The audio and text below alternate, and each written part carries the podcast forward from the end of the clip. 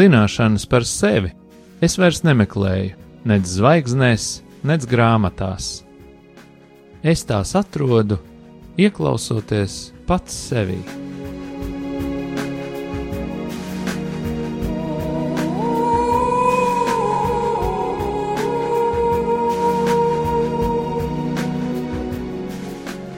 Raidījums Mīlestības terapija top mīlestības mājai, sadarbojoties ar profesionālo pastorālās konsultēšanas asociāciju. Sarunas par sevi, dzīvi, psiholoģiju un dvēseles terapiju.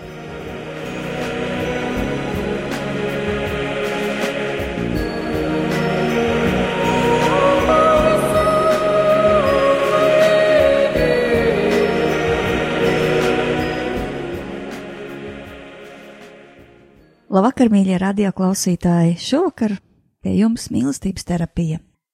Esam vairāk kārt runājuši par sievišķības spēku mūsu raidījumos. Tātad ar jums radio studijā Ina Grasmane un Gatis Līdams. Labvakar! Jā, kā jau teicu, sievišķības spēks. Man liekas, ka runāt par sievišķību, nepieminot šo tēmu, nemaz nevar un nevajag, jo tas ir visa pamatā apzināties šo resursu, kas tad ir sievišķība un kas ir sievišķības spēks, jo bieži vien par sievišķības spēku tiek uzskatīts kaut kas, kas īstenībā nemaz nav sievišķības spēks. Un arī otrādi tiek uzskatīts, ka sievietē vispār nav spēka. Es domāju, ka tās tādas divas nepatiesības. Es arī savā doktorantūrā klausījos vienu lekciju, kur vadīja viena izcila, ļoti skaista sieviete, labākajos gados, tiešām ļoti skaista. Viņa ar putām uz lūpām apgalvoja, ka sieviete var vadīt, un sieviete var būt visaugstākajos amatos, un sieviete var visu kaut ko, un es tā klausījos uz viņu un domāju, ka, jā, protams, sieviete var, bet vai vajag? Protams, ka sieviete var, un es domāju, ka tas patērē tevi tik daudz ne tajā, kas tev ir iedots, Un kas tad ir tas sievišķības spēks? Kas tad ir sieviete? Kas ir sievietes dāvana? Un e, mēs jau e, iepriekš runājām, iepriekšējā raidījumā, tad, tad sievietes dāvana ir viņas emocionalitāte. Viennozīmīgi tā ir dāvana, tā ir ārkārtīgi dārga dāvana, tā ir kopjama dāvana. Ja cilvēkam ir e, absolūtā dzirde, tad ar to vien nepietiek. Tā dzirde ir jākopja, tur ir kaut kas jātrenējās katru dienu, un un sievietes emocionalitāte, empātija ir absolūtā dzirde, kur ir katru dienu jākopja, jātrenējās to lietot. Un kā trenēties, šķirojot. Sievietes sievišķības spēks ir tajā, ka viņa spēja izšķirt, kas ir par viņu, kas nav par viņu, ka viņa spēja pamācīt bērniem. Ja bērns atnāk mājās un saka, man nosauc pa stulbeni, tad gudra mamma teiktu, Nu, paskaties spogulī, ko tu tur redzi, vai tiešām tu redzi tur stulbeni? Nē, tu esi mans mīļais dēls vai brīnišķīgā meitiņa. Mācīt, neņemt visu to, ko tev krāmē virsū par savu, to var sieviete. Tas ir sievietes darbs, sašķirot, kas ir svarīgi un kas nav svarīgi. Sievietē ir jāizdara nesavienojams lietas dzīvē.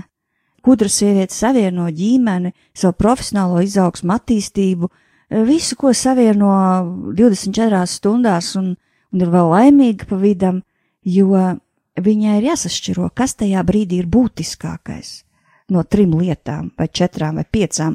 Šī brīdī ir svarīgāk mazgāt veļu, vai apstāties un apmīļot bērnu, vai pateikt viņam kaut ko labu, vai šī brīdī tagad maisīt katlu, vai tomēr zvans pie durvīm vīrs ienāk mājās, varbūt paiet viņam pretī.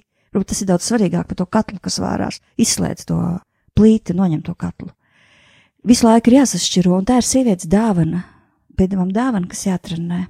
Sievietes dāvana ir nest gaismu, tur, kur ir tumsa, tur, kur ir uh, tukšums, tur, kur varbūt dziļš aizvainojums, sieviete var tur ieiet. Sieviete var ieiet ar pāris vārdiem un šo tumsu gaisināt.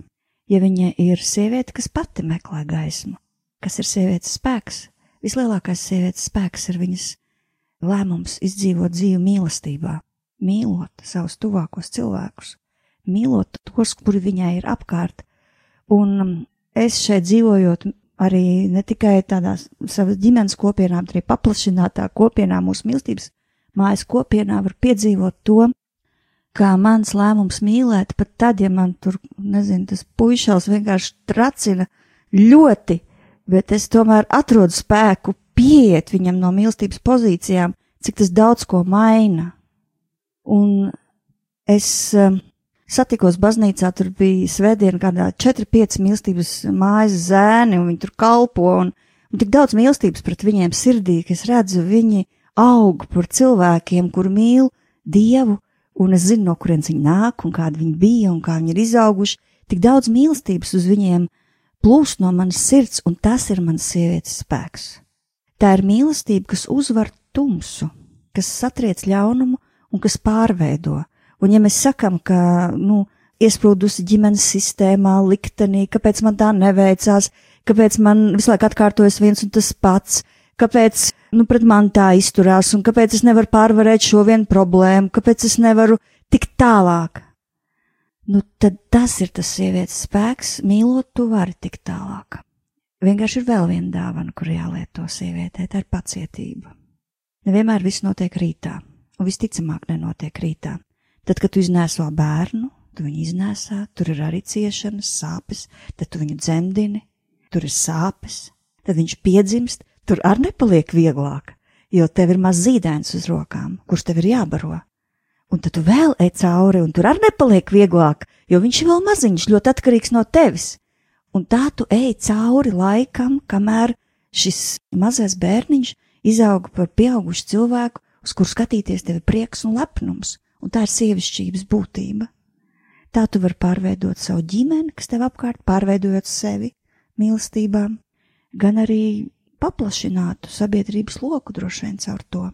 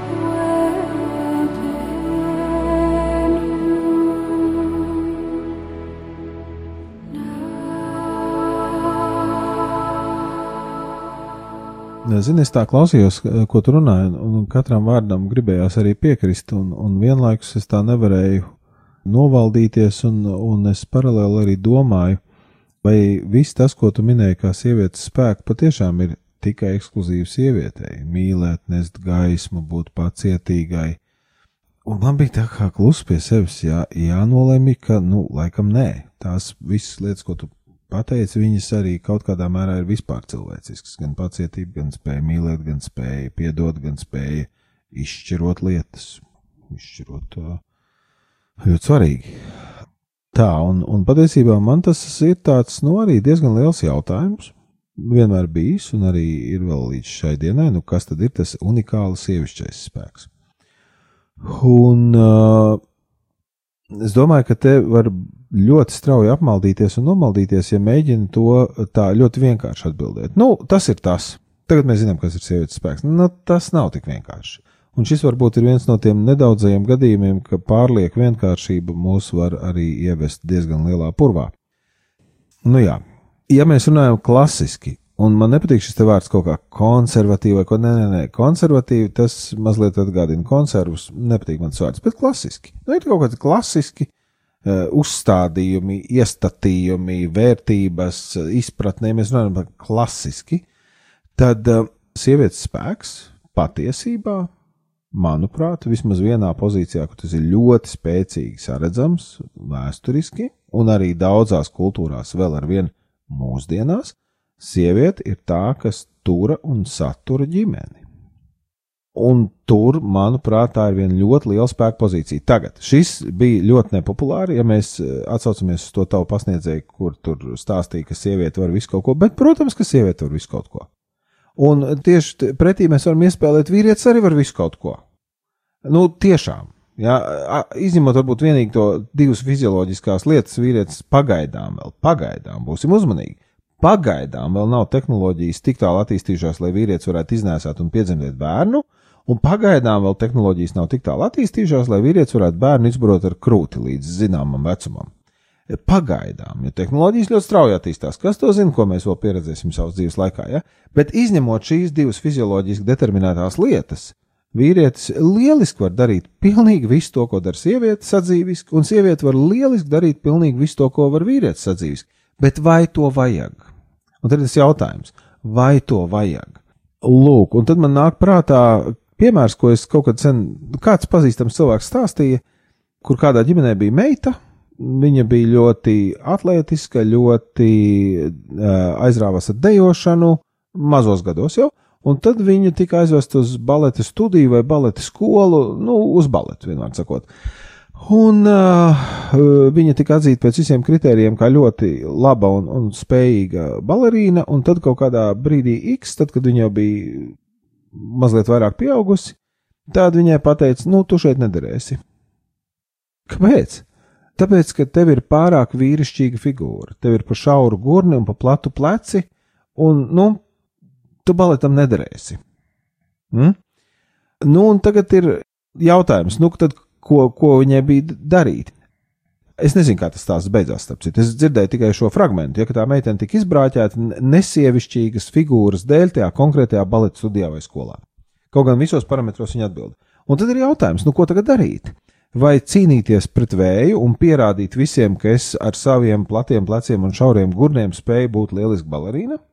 Vai arī saprast, ka man ir tāds fiziskais komplekts iedots, ka varbūt man ir jāaiziet pamēģināt paspēlēt rokas bumbu vai volejbolu, kur es varētu būt varbūt pirmā lieluma zvaigzne.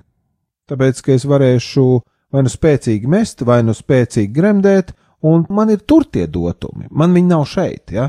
Un tas ir tas, manuprāt, ko ir baigi svarīgi saprast. Nelausties vaļējās durvīs, kā saka cilvēki. Jā, sieviete var visu kaut ko, bet vai viņai to vajag? Varbūt viņa var maksimizēt savu resursu un tiešām ārkārtīgi daudz paveikt, ja viņa dara to, kam viņa ir antropoloģiski nokomplektēta. Un tāpēc, atgriežoties pie tā, ko es teicu pirms brīža, manuprāt, diezgan korekti ir teikt, ka antropoloģiski sieviete ir nokomplektēta, lai uzturētu ģimeni. Psihoemocionāli. Un tas varbūt ir tas lielākais sievietes spēks. Un es to sakot, es apzinos, ka tas ir nenormāli nepopulāri. Un, eh, ja šito klausīsies kaut kādi cilvēki, kuri paši pēc savas uztveres ir ļoti moderni cilvēki, tad, protams, ka viņi šobrīd griež zobus un domā, ko tas onkulītis tur pilnīgi murgaini runā. Bet atkal, ja mēs skatāmies vēsturiski uz kaut kādiem klasiskajiem modeļiem, kuri vēl daudzās kultūrās šodien ir sastopami, rietumos jau arvien mazāk, bet citur, tad mēs redzam, ka tur tas spēks ir. Un droši vien, ka izrietot no tā ir vēl citi spēki, kuri visu šo spēka ķekaru padara tādu leknāku un tādu baudāmāku, bet šis ir tas spēks. Un tagad es skatos, kā tu mani vēro klausoties, un es nevaru saprast, kas tagad būs. Jā, vai tu gribi arī man kaut ko kaut ko mest, vai tu gribi piekrist mazliet vismaz? Es noteikti viennozīmīgi piekrītu. Bet līdz tam ir jāizaug sievietē, lai viņa saprastu, ka tad, kad viņa emocionāli ietekmē ģimeni, viņa ļoti dziļi ietekmē visu pasauli. Un īstenībā viņa ietekmē vīrieti, jo vīrietis, ja viņš jūtas mīlēts, ja viņš ir saņēmis to, kas viņam ir jāsaņem no sievietes, nu viņš viņu klausās, un viņš viņu klausa. Te arī, protams, mēs varam tur diskutēt un strīdēties un visādi, bet, nu, ja sieviete ir sapratusi savu vietu, viņa ir atklājusi savu identitātes spēku, viņš viņu klausa. Un, un viņa var ietekmēt daudzas lietas uz labu un arī uz sliktu. Tā jau tagad viņas sirdsapziņas jautājums ir, kur viņa iet. Daudz stāstu vēsturē tāda ir, ka sieviete ietekmē lietas ļoti uz sliktu, tāpēc, ka viņš viņu klausa, jo viņai ir pieeja pie viņa. Un viņai tieši ir, viņai vienai. Bet eh, runājot par šīm vispār cilvēciskajām lietām un, un pacietību un to, ko mēs jau pieminējām raidījuma sākumā, un tomēr ir sievišķīga šķirošana. Kaut kas tur ir tāds. Ir sievišķīga ģimenes vadīšana. Tas ir kaut kā darbojas no citas puses. Ir sievišķīga šī mīlestības lēmuma izdzīvošana, mīlestības ceļa izdzīvošana. Un vīrietis to pašu dara, protams. Viņš dara to ar citiem akcentiem, ar citu raksturu, ar citu krāsu, ar citu spēku, ar citu intensitāti, ar citu. Un tas ir ļoti svarīgi sievietē saprast tieši to savu teritoriju, savu lauku, savu spēku, savu identitāti, kas ir tas tavs instruments, ar kuru tu vari aizklauvēties pie viņa. Nevajag ar viņa instrumentiem klauvēties pie dzīves, pameklē savējo. Un to mēs gribam pateikt, ka tam ir spēks, tam ir nozīme, tas nav vājš. Tas nemaz nav vājš.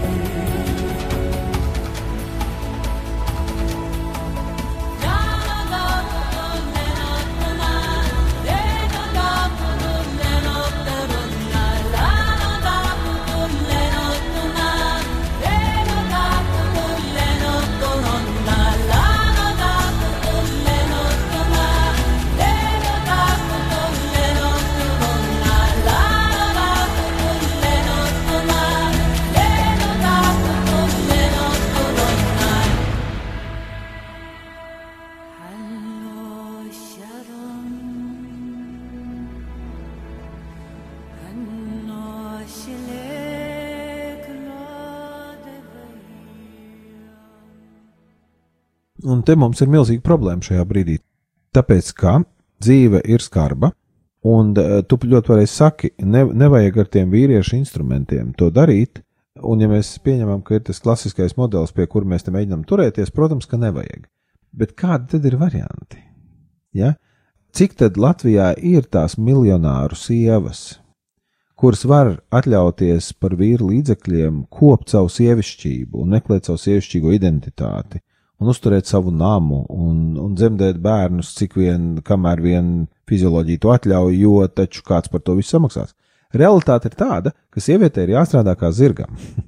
Tas, ko tu minēji sākumā, un tad viņi atnāk mājās, un tad tur ir tas katls, ko tu teici, ka viņai vajadzētu nogriezt vai noņemt tur vai kaut kā tā, un tad ir tie bērni, un tad ir tas vīrs nāk mājās, un tā, vai arī otrādāk, vīrs jau ir mājās, un vīrs ir uzlicis putras katlu, un sievai ir bijusi vēl viens sapulcs darbā, un viņa atnāk vēlāk, un viņa ir pārgurusi, kā viņa vienkārši ir pārgurusi. Ja?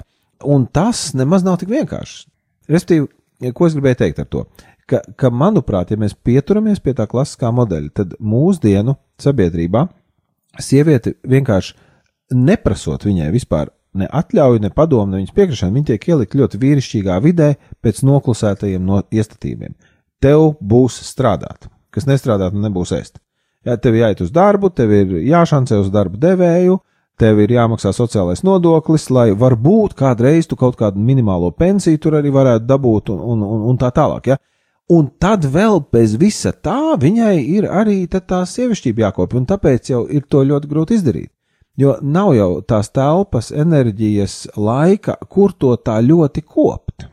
Klasiskā modelī, atkal klasiskā, protams, tas ir diezgan vienkārši. Nu, sieviete ir ar bērniem pavārdu, viņa tur ņemās pa māju, un tas nenozīmē, ka viņa tur atpūšas. Viņa tur strādā, bet viņa to dara ar saviem instrumentiem savā teritorijā.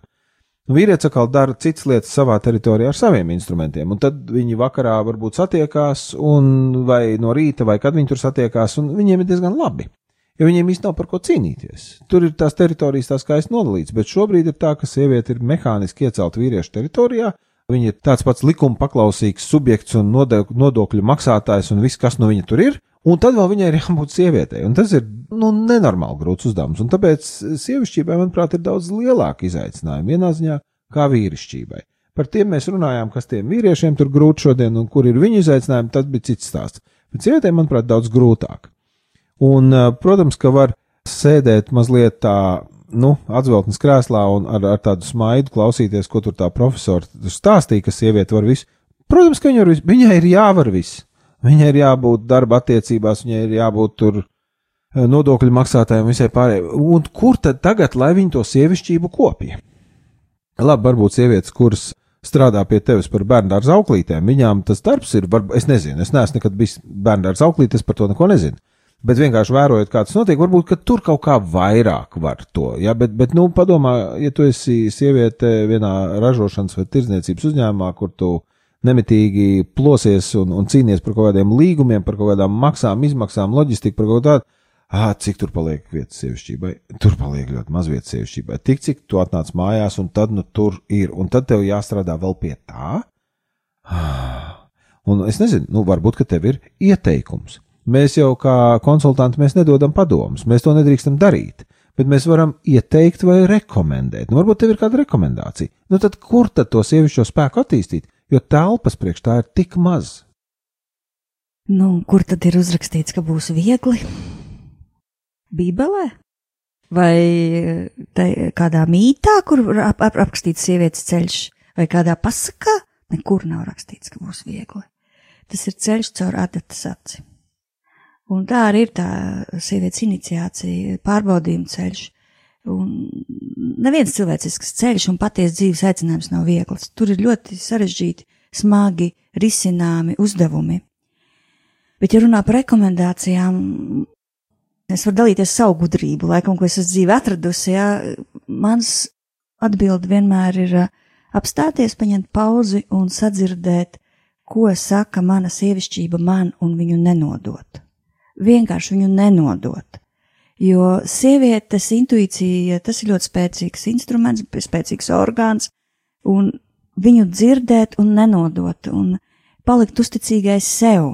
Un tas ir varbūt tas, ko es arī kopā ar sievietēm šeit terapijā meklēju, šajā ceļā, kas tad ir viņa. Un ir sievietes, kura enerģētika varbūt ir tāda vīrišķīgāka, uz biznesu orientētāka, un tas, ka viņa viņu lietos, tas nenozīmē, ka viņa paliks vīrišķīga.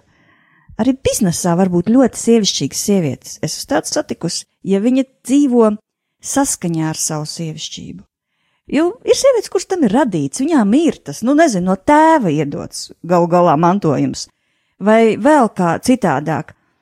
Citam no nacionālitātes mēs esam būvēti no tik dažādiem LEGO klucīšiem, bet ja viņa nenodod šo savu Es to saucu par sirdi, par mīlestību. Tiešām viena slavena sieviete ir teikusi, kā sieviete var ieņemt ļoti augstus amatus, darīt ļoti lielas lietas, tikai ar vienu nosacījumu, ka viņa paliek uzticīga mīlestībā pret savu vīrieti.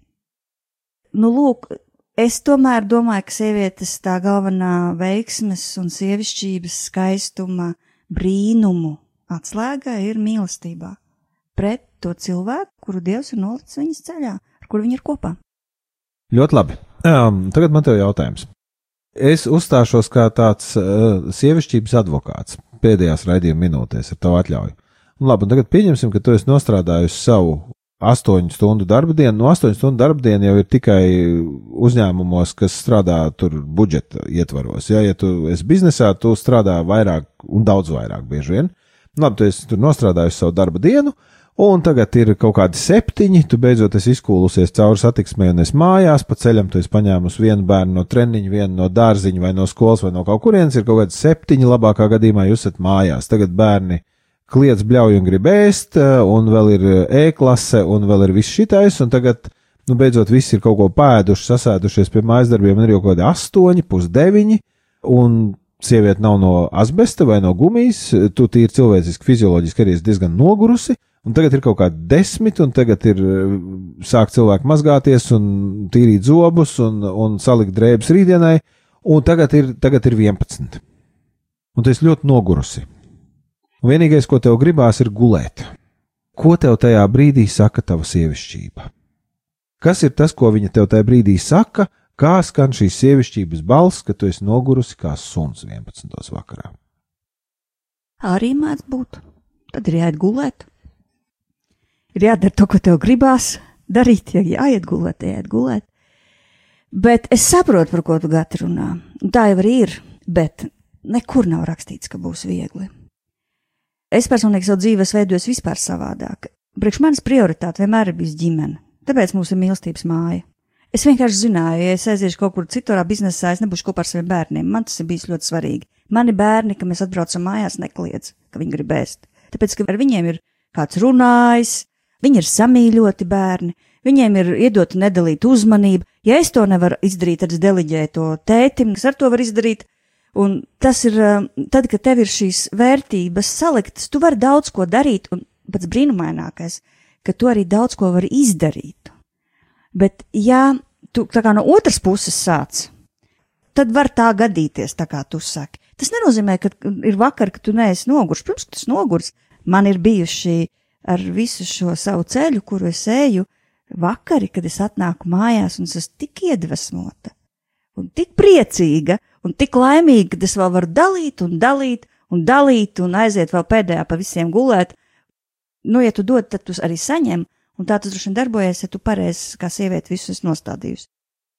Tomēr pēdējais jautājums tev. Nu, labi, tev ir tā paveicies, tu esi tā sakārtojusi, un, un šādi tu esi nogurus, un tu tieši tu teici, bet nu tā sieviete, kur nav varējusi tā sakārtot, ka tur dienas laikā viņa var savus bērnus aprūpēt un visu kaut ko, nu tad, nu tad tavs ieteikums viņai Nu, kā tad viņai tajos 11. vakarā, kad viss ir izdarīts un viņa ir pārgurusi, kā tad viņai to sievišķību uzturēt, kopt, audzināt, nezinu, kā tad viņai vēl mīlēt ar, ar, ar miega aizlipušām acīm savu vīrieti, kā īstai sievietei? Un kā? Sakārtot. Vienkārši sakārtot. Un ir dažas reizes, kad ir jāizdara ļoti kardināli un, un ļoti drosmīgi lēmumi. Ja sieviete nav tur, kur viņai ir jābūt, un tas darbs viņu izpumpē, un viņa atnāk mājās beigta, tad ir vienkārši jāsakārto. Un katram ir iespējas sakārtot, un dzīvi piedomāt dažādas iespējas. Vienkārši jāpaskatīties uz savu dzīvi, varbūt pameklēt tiešām kādu palīgu, kas tev var palīdzēt paskatīties uz savu dzīvi. Vienkārši sakārtot tā, lai tev ir labi, tā, lai tu esi tur, kur tev ir jābūt, tā, lai tu dzīvo saskaņā ar, ar to sirdi, kur īstenībā tevī ir ielikta jau no pirmsākumiem, tavā šūpulī, un tas sievietē ļoti svarīgi. Lūdzam! Mīļais debes Tēvs, es Tev pateicos par sievišķību, par sievišķības spēku, par sievietes spēju mīlēt. Es Tev slavēju, Kungs, par katru sievieti, kur Tu sūtīs uz šīs zemes, lai viņi pieskartos šīs pasaules kārtībai. Es lūdzu, Kungs, ka Tu caur savu garu arī dotu šodien atklāsmi, kā mīlēt, kā uzvarēt tumsu savā dzīvē, kā izdzīvot dažādus sprostus, emocionālus, kuros sieviete varbūt tiek ievesta arī caur ļauno garu, caur meliem. Es lūdzu, kungs, tavas svētās asins par katru sievieti, par katru sievietes likteni, par katru sievietes dzīvi, ka tu pagrebdē, kungs, sievišķību savās svētajās asinīs, lai tās svētās asins dziedina, šķīsta, atbrīvo, uzpilda un dara visu jaunu nāc ar savu atklāsmi, nāc ar savu dziedināšanu. To visu mēs lūdzam Dieva tēva, dēla un svētā gara vārdā. Āmen!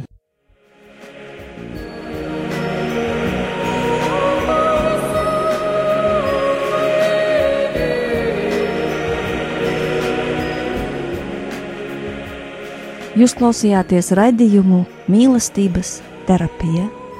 Raidījums varat noklausīties mājas lapā mīlestības māja.lv vai Latvijas Profesionālās pastorālās konsultēšanas asociācijas Facebook mājaslapā.